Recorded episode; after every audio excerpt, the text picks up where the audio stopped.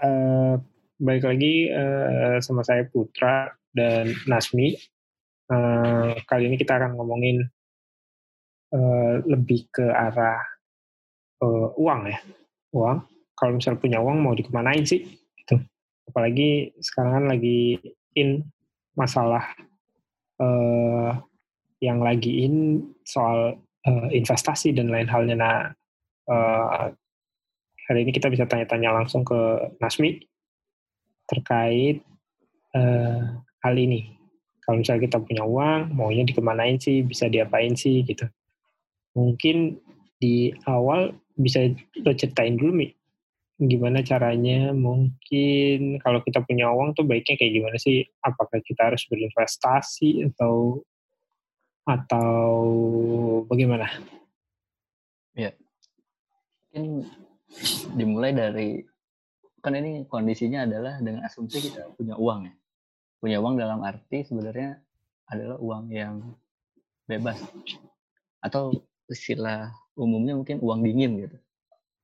Hmm. jadi kita bisa itu di luar uang yang ada di luar kebutuhan dan eh, apa ya ya kebutuhan sehari-hari gitu loh jadi kebutuhan utama kita udah terpenuhi nah kita punya sisa uang bahkan itu udah dikurangi tabungan utama gitu.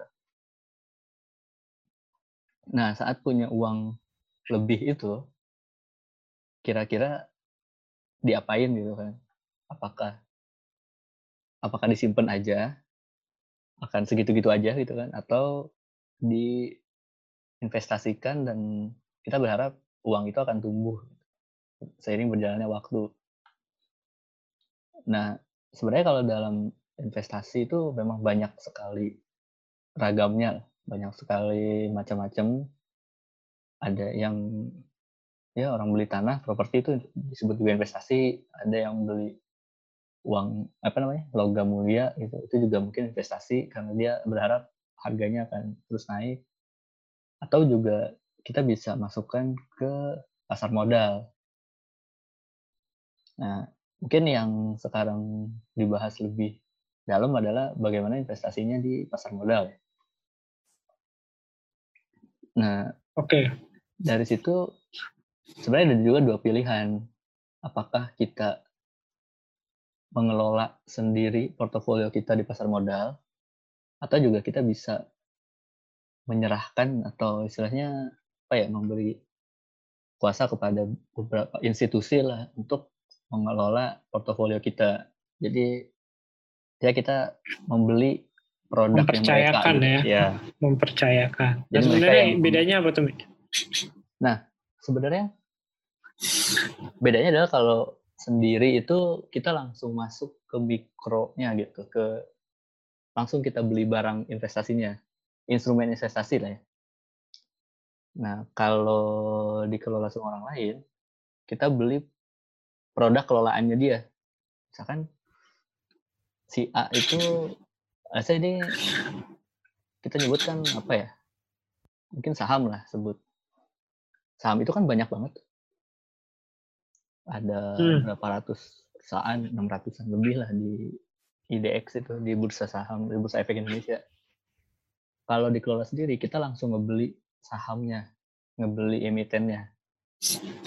Tapi kalau kita lewat pihak ketiga sebagai pengelola atau ya nyebutnya mungkin aset manajemen atau manajer investasi kita beli hmm. produknya mereka jadi mereka itu udah punya produk-produk pilihan gitu sahamnya ABC gitu. nah kita tinggal tinggal beli ke mereka aja mereka yang ngebeliin sahamnya gitu Oke, tahan dulu Mi. Yang gue gue pengen nanya, kalau misalnya kalau misalnya lo tadi bilang mereka udah punya produknya, artinya misalnya uh, produk yang kita pengenin bukan di lo nih gitu, tapi ada di temen eh di di di satu manajer investasi lainnya, berarti gue harus pakai orang lain tersebut ya, nggak bisa pakai lo ya, gitu ya? Karena lo bilang kan produknya kan. Iya, jadi mereka punya produk kan sendiri masing-masing itu. Hmm. Misalkan, oke, okay. mereka punya produk kalau mereka itu akan memasang di sektor-sektor tertentu misalnya sektor banking atau apa jadi kita percayain uangnya ke mereka, nanti mereka yang kelola portofolionya mereka. Soalnya kan lo milih dari 600 itu susah ya. Ya dong, tuh iya. lo gue dari 1 sampai 600 harus milih yang mana. Nah, kalau ke mereka, mereka udah punya listnya, jadi kayak 10 atau 5 saham yang mereka mereka udah analisa dan mereka udah udah punya keyakinan kalau ini bagus, kita titipkan uangnya ke mereka, mereka belikan ke produk yang mereka anggap itu bagus gitu. Oke, berarti berarti sebenarnya di sini ada dua perbedaan ya, Mia. Kalau misalnya sendiri itu kita murni pakai feeling kita sendiri, ya, expertise-nya expertise dari kita belajar sendiri. Sedangkan kalau misalnya dari orang lain ini atau manajer investasi ini kita pakai expertise dia ya dan produk dia ya. Dia Ya, juga yang akan mengarahkan. Jadi di situ ya perbedaannya. ya di situ perbedaan. Jadi kalau sendiri memang resikonya adalah eh lu harus harus belajar lebih dalam lagi untuk memilih mana instrumennya, mana sahamnya, atau harus berapa pembagiannya. Terus dianalisa sendiri gitu. Karena kan eh, apa dia sendiri yang akan menentukan dikemanakan uangnya. Tapi kalau lewat manajer investasi tinggal dikasih dia punya portofolionya ini dengan return sekian sekian sekian dari tahun sebelumnya masuk ke situ ya udah tinggal paling di awal ditanya soal profil risiko sih paling jadi dalam misalkan punya uang berapa 50 juta eh lu re- rela kehilangan berapa gitu. Oh mungkin dari 10% dari aset atau enggak berapa persen nah dia akan nanti pilihkan gitu. Setelah itu ya udah lu nggak harus nggak harus apa ya nggak harus pelajarin ini sahamnya yang mana terus obligasinya yang mana enggak sih.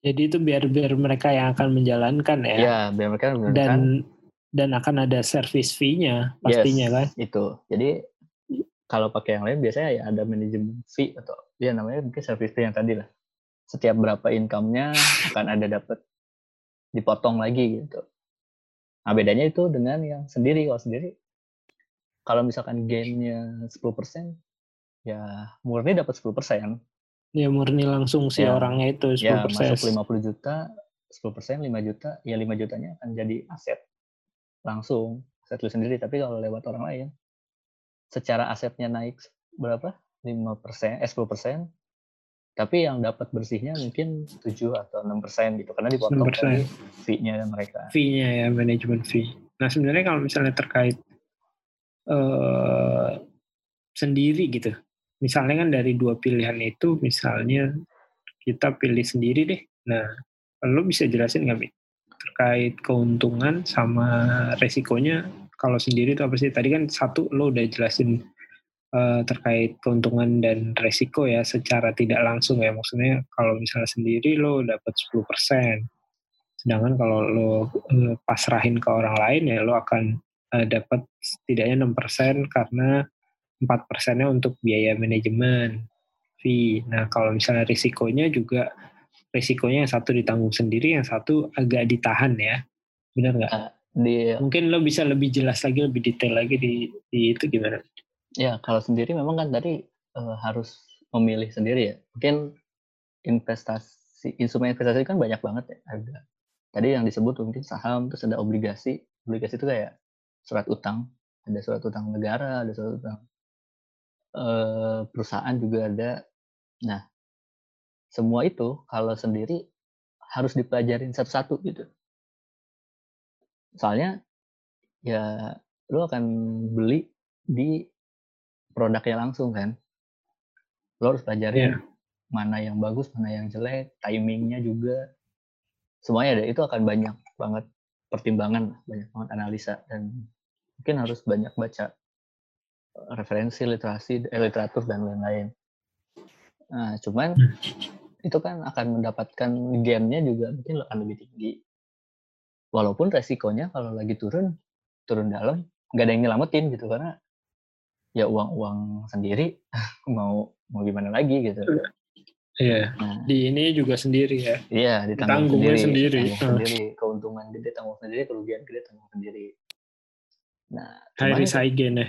Yes, high risk high return. Kalau di aset manajemen atau manajemen investasi atau tadi pihak ketiga, biasanya mereka juga sudah punya manajemen resikonya sendiri gitu. Biar loss-nya nggak terlalu tinggi. Jadi ya walaupun balik lagi gain-nya juga mungkin nggak sebanyak kalau pasang sendiri gitu kalau kalau di, dikelola sendiri. Cuman ya keuntungannya nggak harus belajar lebih banyak paling yang harus dilihat mana sih manajer investasi yang bagus? Paling lebih ke sana sih. Lebih ke memilih lembaga dan produknya aja. Kita nggak harus analisa lebih teknik lagi teknis lagi. Itu kan yeah. lebih save waktu dan juga uh, mungkin lebih tenang lah istilahnya. Tapi memang selalu akan ada harga ada rupa ya. Ya lo dibantuin ya pasti lo mesti bayarin lah ya. yes dia akan ada kos yang keluar gitu tetap iya iya kalau misalnya selain selain itu ada lagi nggak Mik? maksudnya uh, ya. selain keuntungan dan risiko dari si sendiri uh, kita sendiri dan si manajemen investasi mungkin yang perlu kita tahu ketahui dulu dari uh, seperti apa sih uh, berinvestasi itu untuk masuknya di awal? Ya sebenarnya yang utama sih biasanya di situ ya karena kita kalau investasi kan bicara gain bisa secara loss ya, secara hmm. return bisa loss itu. Cuman kalau yang selain itunya sih paling resiko-resiko lainnya ada juga yang kayak manajer investasinya harus memang terdaftar, harus harus sudah punya track record bagus, jangan sampai kita banyak juga kan yang kena kita udah mempercayakan ke orang tapi ternyata, ternyata tidak terdaftar misalkan tidak terdaftar atau enggak hmm. mungkin dia mengelolanya amuradul lah entah ada hmm. apa jadi akhirnya loss juga gitu itu sih lebih ke pemi tadi pemilihan itunya aja track recordnya toh kalau sendiri pun kalau kita nggak punya dasar analisa yang kuat tetap bisa loss lebih gede kok gitu hmm. Oke, berarti kita mungkin tahan di situ dulu. Tadi udah dijelaskan ya sama lo ya, Mi. Nanti abis ini kita akan masuk ke segmen yang lebih dalam lagi di segmen kedua.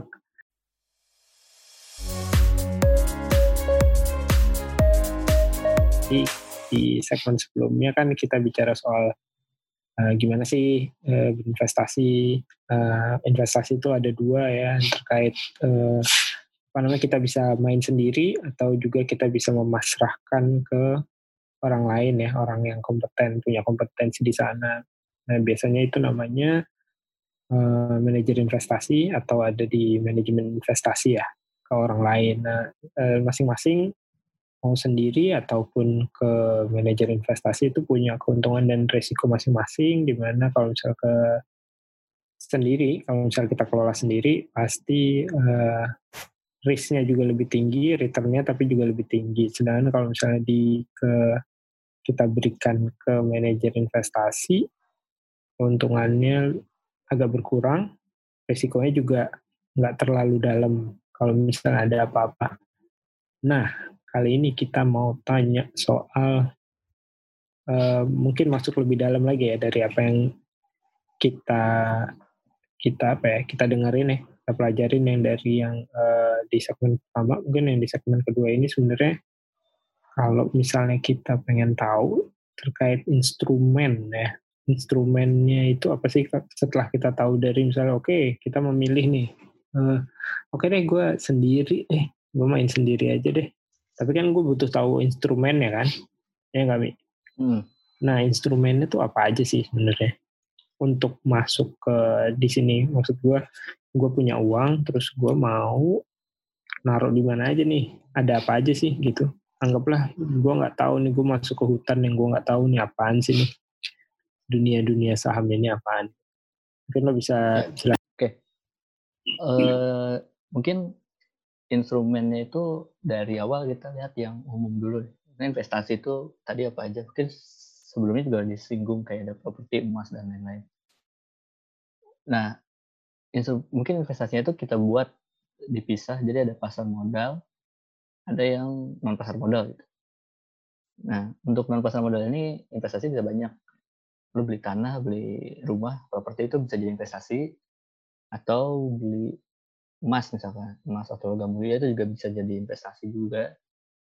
Nah untuk yang instrumen yang kategori kedua nih yang pasar modal itu juga terbagi lagi gitu begini yang paling utama itu biasanya ada ada bagi tiga sih. Jadi ada saham ada obligasi atau pas, uh, surat utang atau ada juga pasar uang.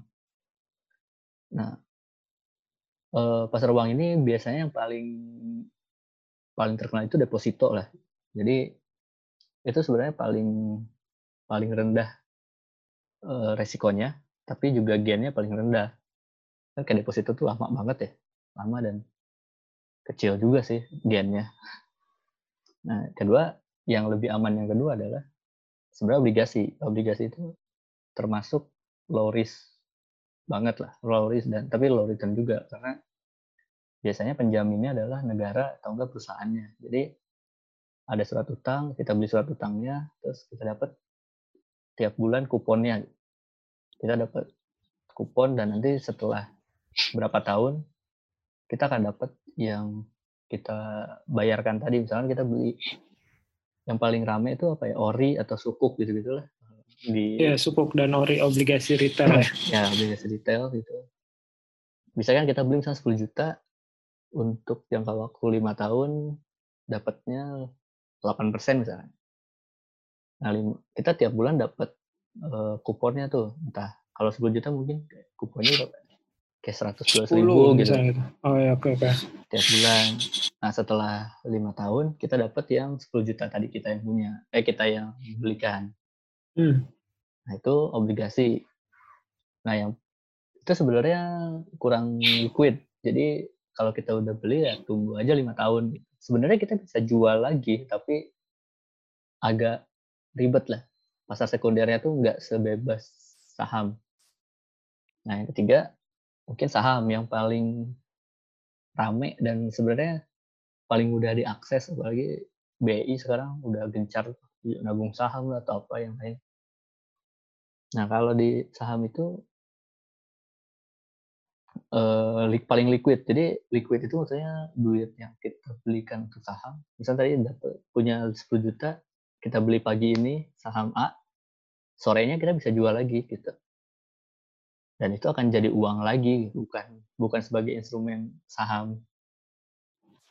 Kapan pun mau dijual bisa ya. Ya asal memang belinya yang bener aja gitu.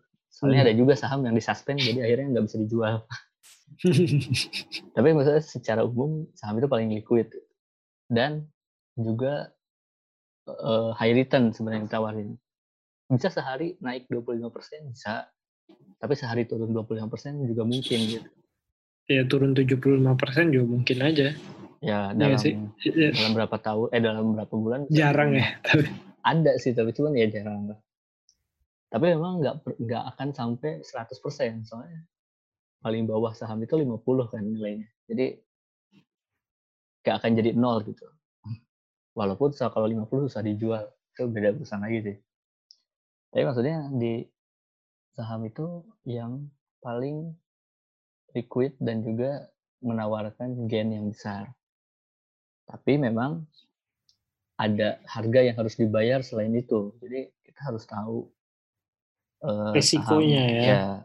Hmm. Pertama resikonya harus tahu, terus juga kita harus bisa menganalisisnya lah. Iya, nggak bisa nggak bisa cuma pakai feeling dan ngasal aja ya, karena ya, yang kita ada ada uang yang kita pertaruhkan lah ya, yes. quote unquote uh, itu uh, dipertaruhkan sama kita di sana. Makanya kalau tan kalau feeling gitu tanpa ada tanpa ada analisa dari ini ya di, jadinya kayak judi aja gitu. Iya. Kayak orang beli A, beli saham A, kenapa beli saham A? Nggak tahu gitu. Cuma mau beli doang. Hey, pokoknya pengen aja. Nah itu agak dipertanyakan gitu.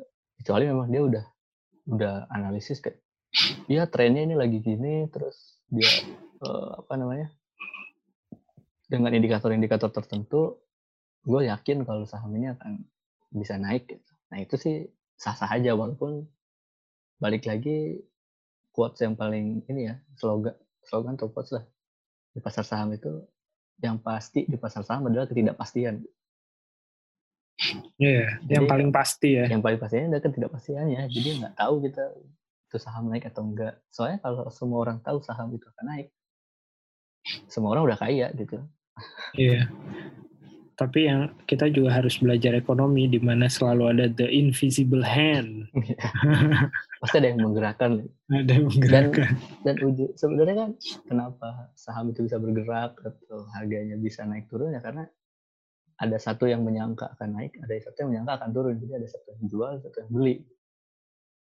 Kalau semuanya percaya akan naik dan ngebeli semua, nggak ada yang ngejual, nggak gerak juga. Nggak gerak, betul. Nah, sebentar Mi, sekarang gue mau lebih dalam lagi lah.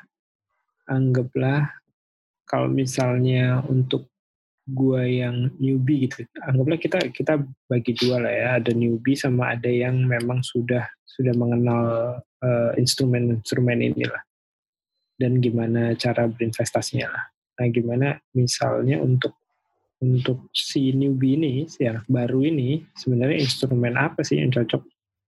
Nih. Nah, newbie ini mungkin juga ada tingkatannya kali ya, seberapa newbie gitu. Sebenarnya kalau yang mau baru masuk, balik lagi, dia ada waktu atau enggak sih untuk mempelajari gitu. Kalau misalkan dia udah sibuk dengan pekerjaan, dengan keluarga, tanpa ada waktu lagi untuk belajar, tapi dia pengen investasikan dananya, sebenarnya paling enak dan aman itu ya ini kalau kelola sendiri ya di hmm. obligasi hmm. aja gitu. Jadi biasanya sih dibagi ya, mungkin dari 100% portofolio let's say 7 70 persennya obligasi, 30 persennya bisa di saham. Nah, okay. jadi jadi yang 70% ini kan lebih aman ya. Ya. Nah, 30 persennya bisa di itu di saham sambil dia mungkin belajar atau ya sambil memperdalam. Tapi kalau misalkan dia masih punya waktu banyak dan juga interest gitu ya, tertarik dengan analisa-analisa di saham, bisa dibalik gitu. 70 persennya justru di saham, 30 persennya di obligasi, di atau obligasi. bahkan 100 persen saham. Bahkan, Karena itu tadi ya, itu liquid ya. Ya, liquid, liquid yang udah ada kepastian, kalau udah ngerti sih lebih enak. Yes, jadi dia juga tahu kapan exit strateginya gitu. Kalau hmm. turunnya gimana, kapan dia harus jual gitu-gitu ya tuh. Emang harus dipelajari, tapi maksudnya balik lagi tadi kalau misalkan masih ada waktu dan juga dia mau pelajari, sebenarnya lebih potensial di saham apalagi dengan uang yang minim maksudnya uang yang sedikit itu lebih enak uh, kalau gua pribadi sih lebih enak di saham gitu dibandingkan aset-aset lain yang nggak liquid dan juga lama tumbuhnya gitu. Ya mungkin mungkin itu kan sebenarnya kalau misalnya gue pelajari dari yang tadi segmen pertama sama segmen kedua saat ini, kenapa lebih enak di saham kan karena karena tadi liquid satu liquid yang kedua adalah dia dia ada kepastian bukan ada kepastian sih uh, high risk high return itu tadi kan. Jadi resikonya lebih tinggi tapi returnnya juga lebih tinggi juga lebih enak. Mau berapapun misalnya uang kita kita cuma punya uang 2 juta atau 5 juta gitu ya.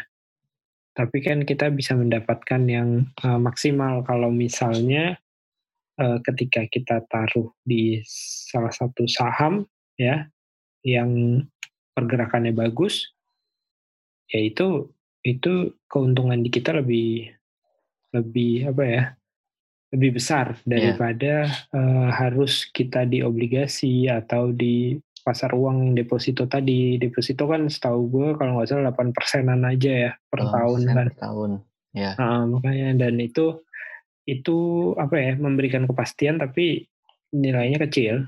Hmm. secara nilai. Benar ya Mi?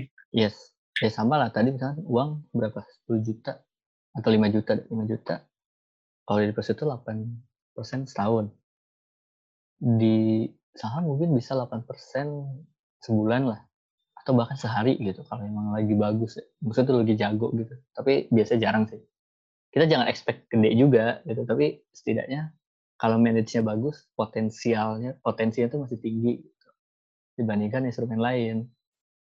Tapi kadang hmm. juga yang yang jadi bumerang itu biasanya untuk yang baru ya. Dia menganggap pasti untung gitu. Itu yang ini yang paling yang, parah sih yang sebenarnya. salah gitu. Wah sehari bisa 25 persen. Jadi dihitung sehari 25 persen kalau sebulan berapa setahun berapa nggak gitu mainnya gitu. nggak gitu. Karena karena karena tadi yang lo bilang kalau gue pelajari tadi ya karena liquid itu ada pembeli ada penjual ya nggak sih? Yes. Dan jadi tidak bisa dihitung pasti ya, dapat 25 persen per hari nah, kayak atau per jam. 25 persen per hari itu untuk satu saham itu bisa jadi dalam 10 tahun dia tuh paling cuma 10 kali gitu dia 25 persen sehari. Jadi kayak jangan mengambil itu tuh kayak bonus aja potensial potensi aja lah gitu. Jangan diambil rata-rata kalau setiap hari itu sekian. Tapi kalau misalkan masih di target ya 10% sebulan itu masih make sense sebenarnya 5% lah.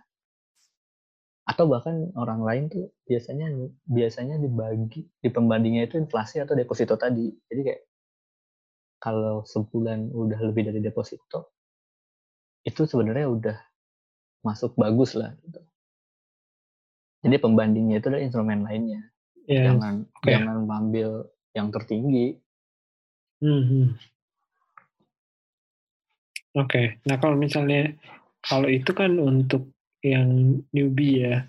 Nah, kalau misalnya untuk yang profesional sendiri ya. udah pasti sih, pasti mendingan langsung langsung main di saham bener. Yes. Bahkan ada pro kalau profesional ya, namanya mungkin pro trader atau apa gitu. Jadi ada yang disebutnya itu trading for living. Mm -hmm. Jadi income ini akun Instagram apa apa tuh? Oh, enggak ya. Enggak sih itu namanya kayak namanya iya kayak sih, nama akun-akun Instagram. Terus terus terus dia itu kan kalau tadi kita bilang kalau yang lebih 70% masuk ke uh, obligasi 30-nya di saham. Nah kalau yang udah pro gitu di saham. Biasanya dia 100% itu di saham tapi dibagi 70%-nya misalkan untuk investasi jangka panjang. Jadi dia beli saham itu terus tutup aja akunnya. Maksudnya bukan tutup akunnya ditutup aja nggak dibuka lagi akunnya. Nggak dibuka lagi. Ya, kayak ya. ini ya kayak siapa namanya? Si siapa namanya yang dari Berkshire tuh?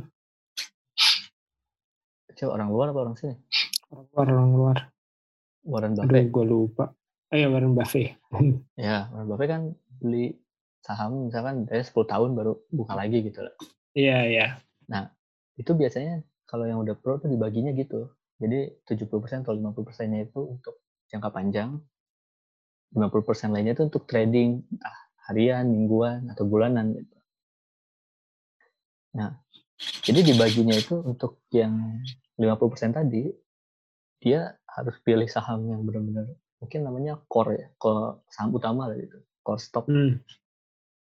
Itu yang akan dia yakini 10 tahun lagi naiknya berapa ratus persen gitu. Kayak saya kalau yang paling terkenal sebenarnya Unilever lah. Atau enggak BBCA. BCA itu waktu dibeli jarum berapa, sekarang udah berapa gitu. Itu kan didiemin aja gitu, walaupun di dalamnya ada naik turun, tapi secara growth jangka panjang masih bagus. Itu untuk yang di panjang, di lama. Tapi ada lagi yang untuk trading uh, bulanan atau mingguan tadi itu yang udah pro gitu.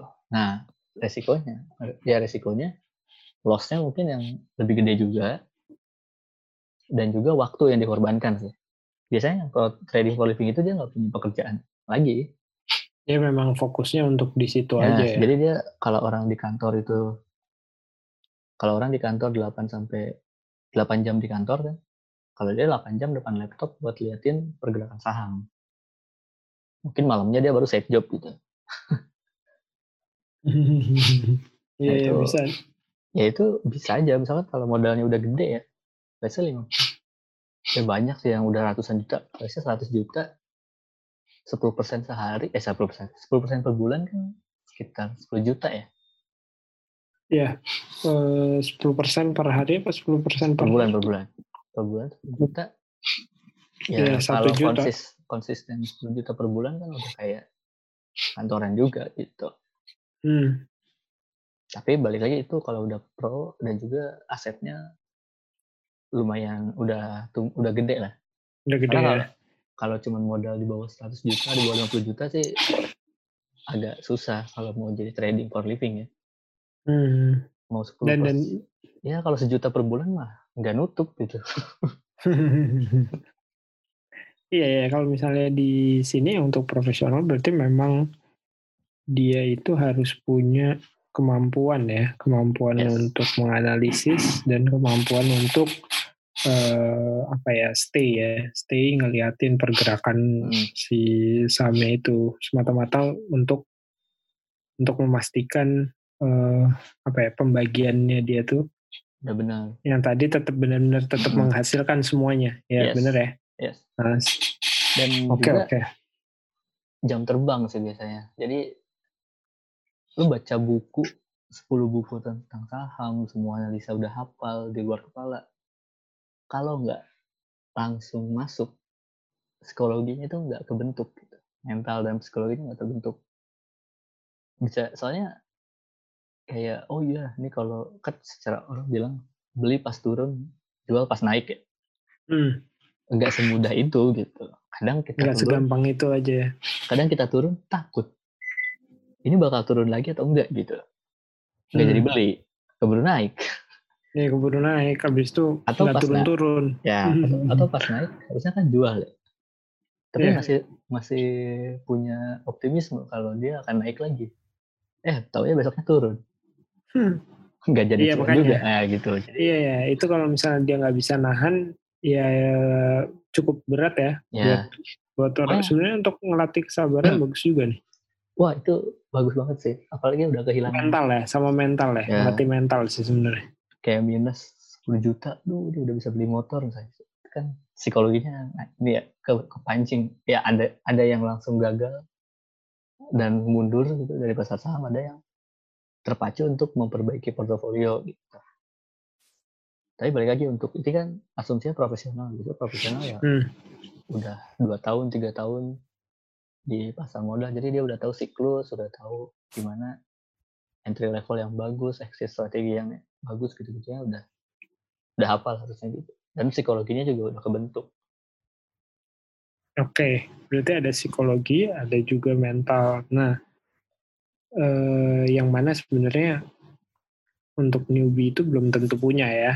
ya terkait eh, apa, psikologi dan mental kemampuannya itu. Nah kalau misalnya menurut lo nih, eh, baiknya gimana sih buat anggaplah orang-orang yang baru baru datang ke satu tempat mall saham ini nih, eh, apakah eh, apa yang harus dilakukan oleh mereka gitu?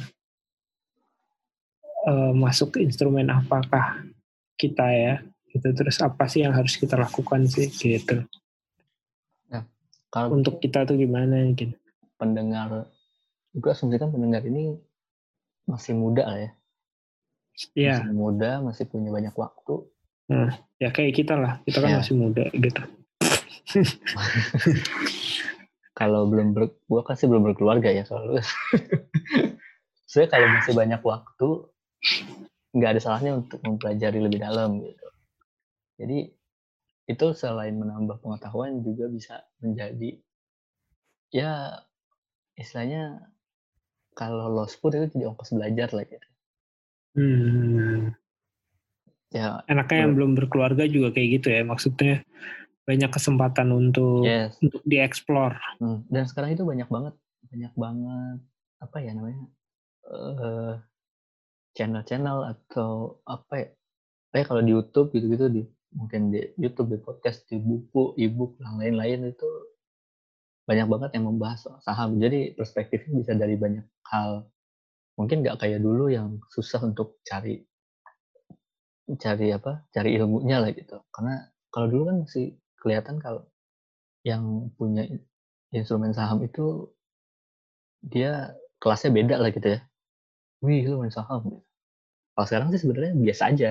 Biasa aja ya. Iya, sekarang sih biasa aja karena semua orang juga udah punya akses yang sama sebenarnya gitu. Nah, makanya hmm. kalau masih muda, masih punya banyak waktu, nggak ada salahnya untuk bisa memperdalam. Jadi, toh kalaupun ujungnya kita pakai manajemen investasi atau dikasih hmm. kelola biasa ya kita bisa sisihkan beberapa aset untuk bisa kita kelola sendiri jadi kalau pas kita udah bisa ya yang tadi kita kasih ke orang bisa kita kelola sendiri lagi gitu kayak kalau okay. gue sih saranin bisa masuk di saham dulu kalau mau tapi ya balik lagi harus terima risiko juga ya hmm. karena perbandingannya itu ya kayak let's say kalau sebenarnya kan ini emas ini lagi naik-naiknya kan sekarang.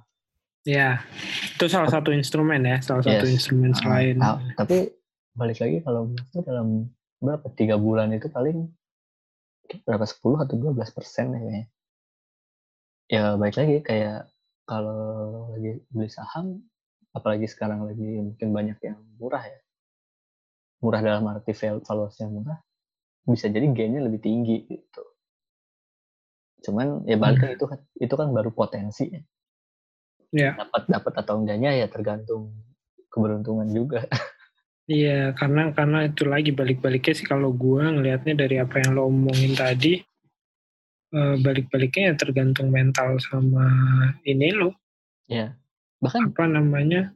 Uh, selain mental apa tadi? Kok gue jadi psikologinya gitu. Kalau misalnya mental sama psikologinya nggak kuat juga kadang dia bisa terlalu cepat, kadang yes. nunggu terlalu lama ya akhirnya nggak dapat kan. Bahkan ada satu kasus, misalkan ada tiga orang, tiga orang ini hmm. baca buku yang sama, mentor yang sama, dikasih bocoran sahamnya sama, tapi karena uang-uangnya mereka, bisa jadi mereka ada yang beli jam 9, ada yang beli jam 12, ada yang beli besoknya, itu kan beda ya akan beda yeah. gitu hasilnya nggak akan ada yang sama walaupun hmm. informasi yang dia dapatkan sama karena balik lagi tadi ada subjektivitas dan feeling tadi bisa jadi hmm. hasilnya akan beda gitu hanya ya namanya investasi sih harus harus dilatih lah gitu nggak jangan jangan ekspektasi kalau kayak oke gue punya sekian gue harus ya target sih boleh tapi jangan investasi gue pasti dapat segini nggak ada nggak ada yang pasti gitu. hmm.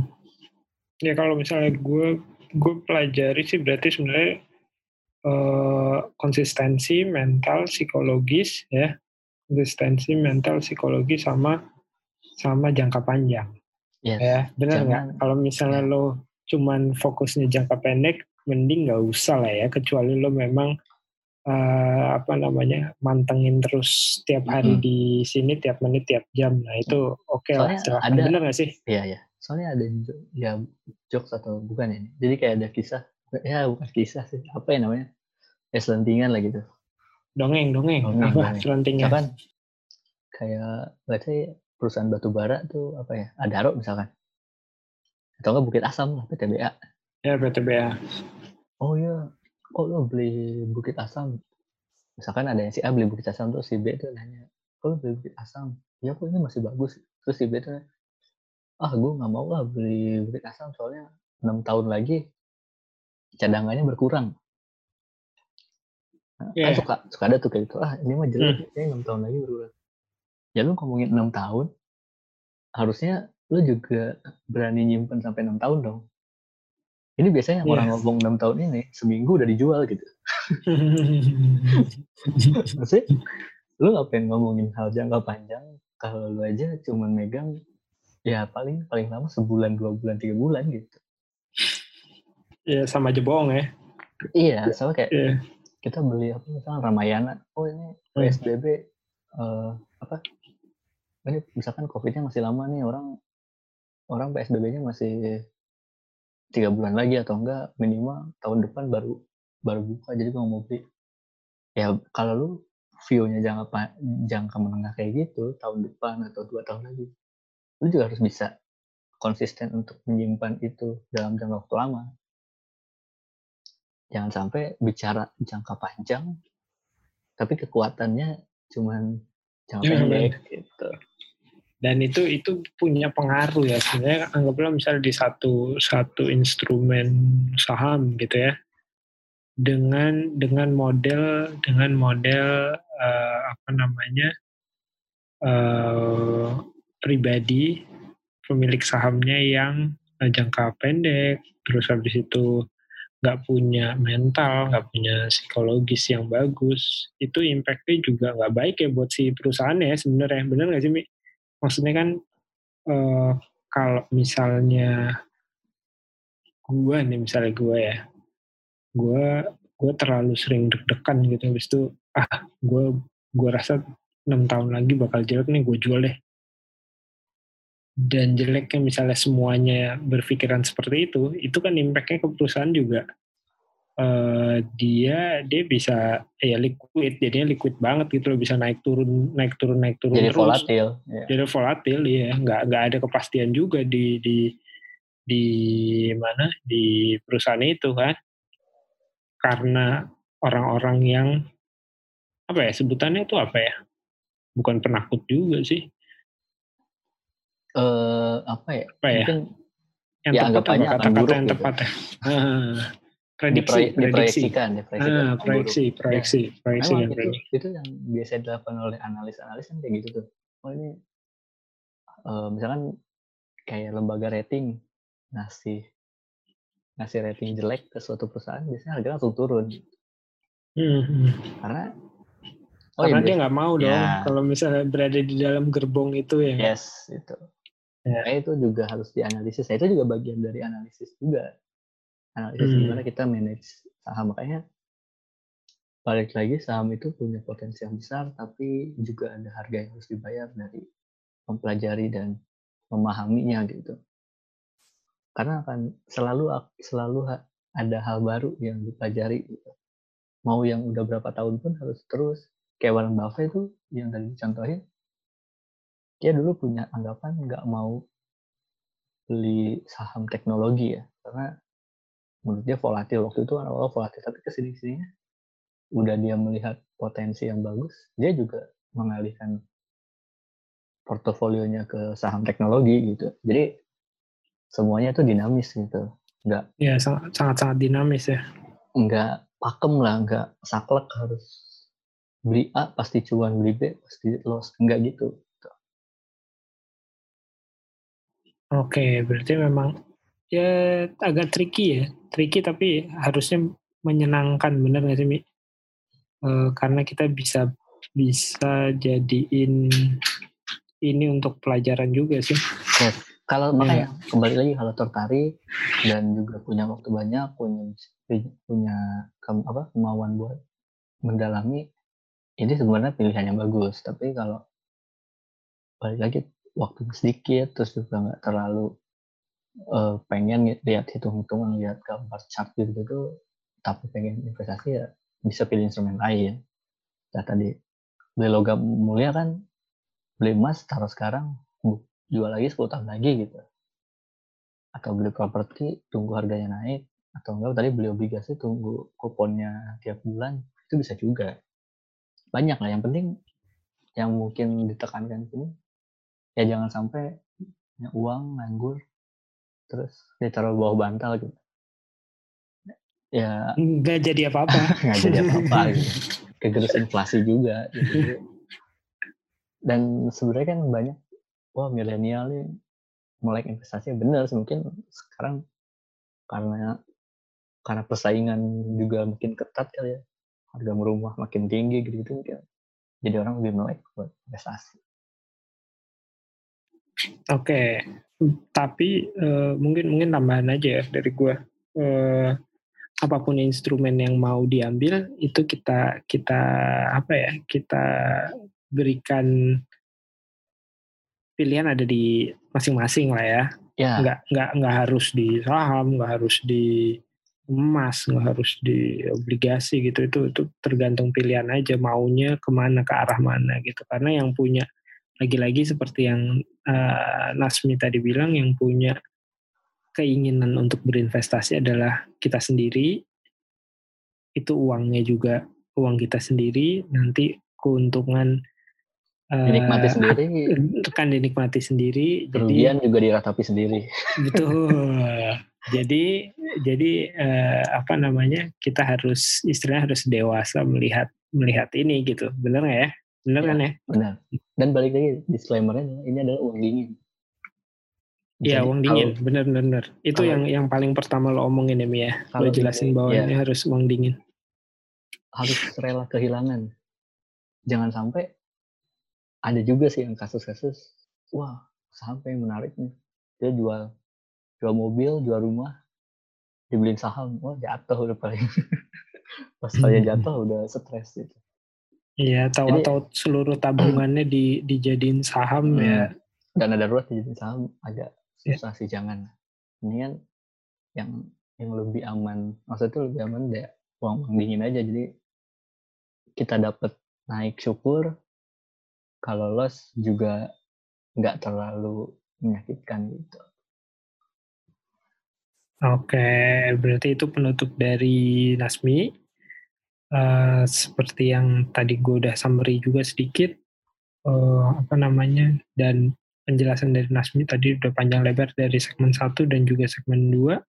Sekarang tinggal uh, kalian ya yang akan menentukan apakah mau berinvestasi dengan instrumen saham, instrumen emas, instrumen obligasi itu semua uh, dikembalikan ke kalian gitu. Dan dan kalau misalnya dari sisi kita ya uh, kalau mau tahu lebih jauh lagi jangan lupa ikutin terus uh, podcast asimetri di uh, apa di Spotify ya. Juga bisa di uh, Apple Podcast maupun di Google Podcast dan juga Anchor. Jangan lupa uh, kalau misalnya mau tanya feel free aja. Silakan bertanya. Bisa ke podcast asimetri at gmail.com nanti bisa kita ngobrol-ngobrol uh, bareng uh, dengan saya Putra dan juga Nasmi. Nanti juga uh, apa namanya? Di, di sosmed di sosmed ya di sosmed nanti kita ada juga ya ya di yeah. Instagram sama Twitternya. Tapi untuk untuk apa namanya? Untuk namanya kurang lebih ya sama podcast asimetri. Nanti dicek aja. Nanti kita kita akan informasikan di episode ketiga. Ini episode kedua kita terkait investasi eh, rasanya sudah cukup ya ya.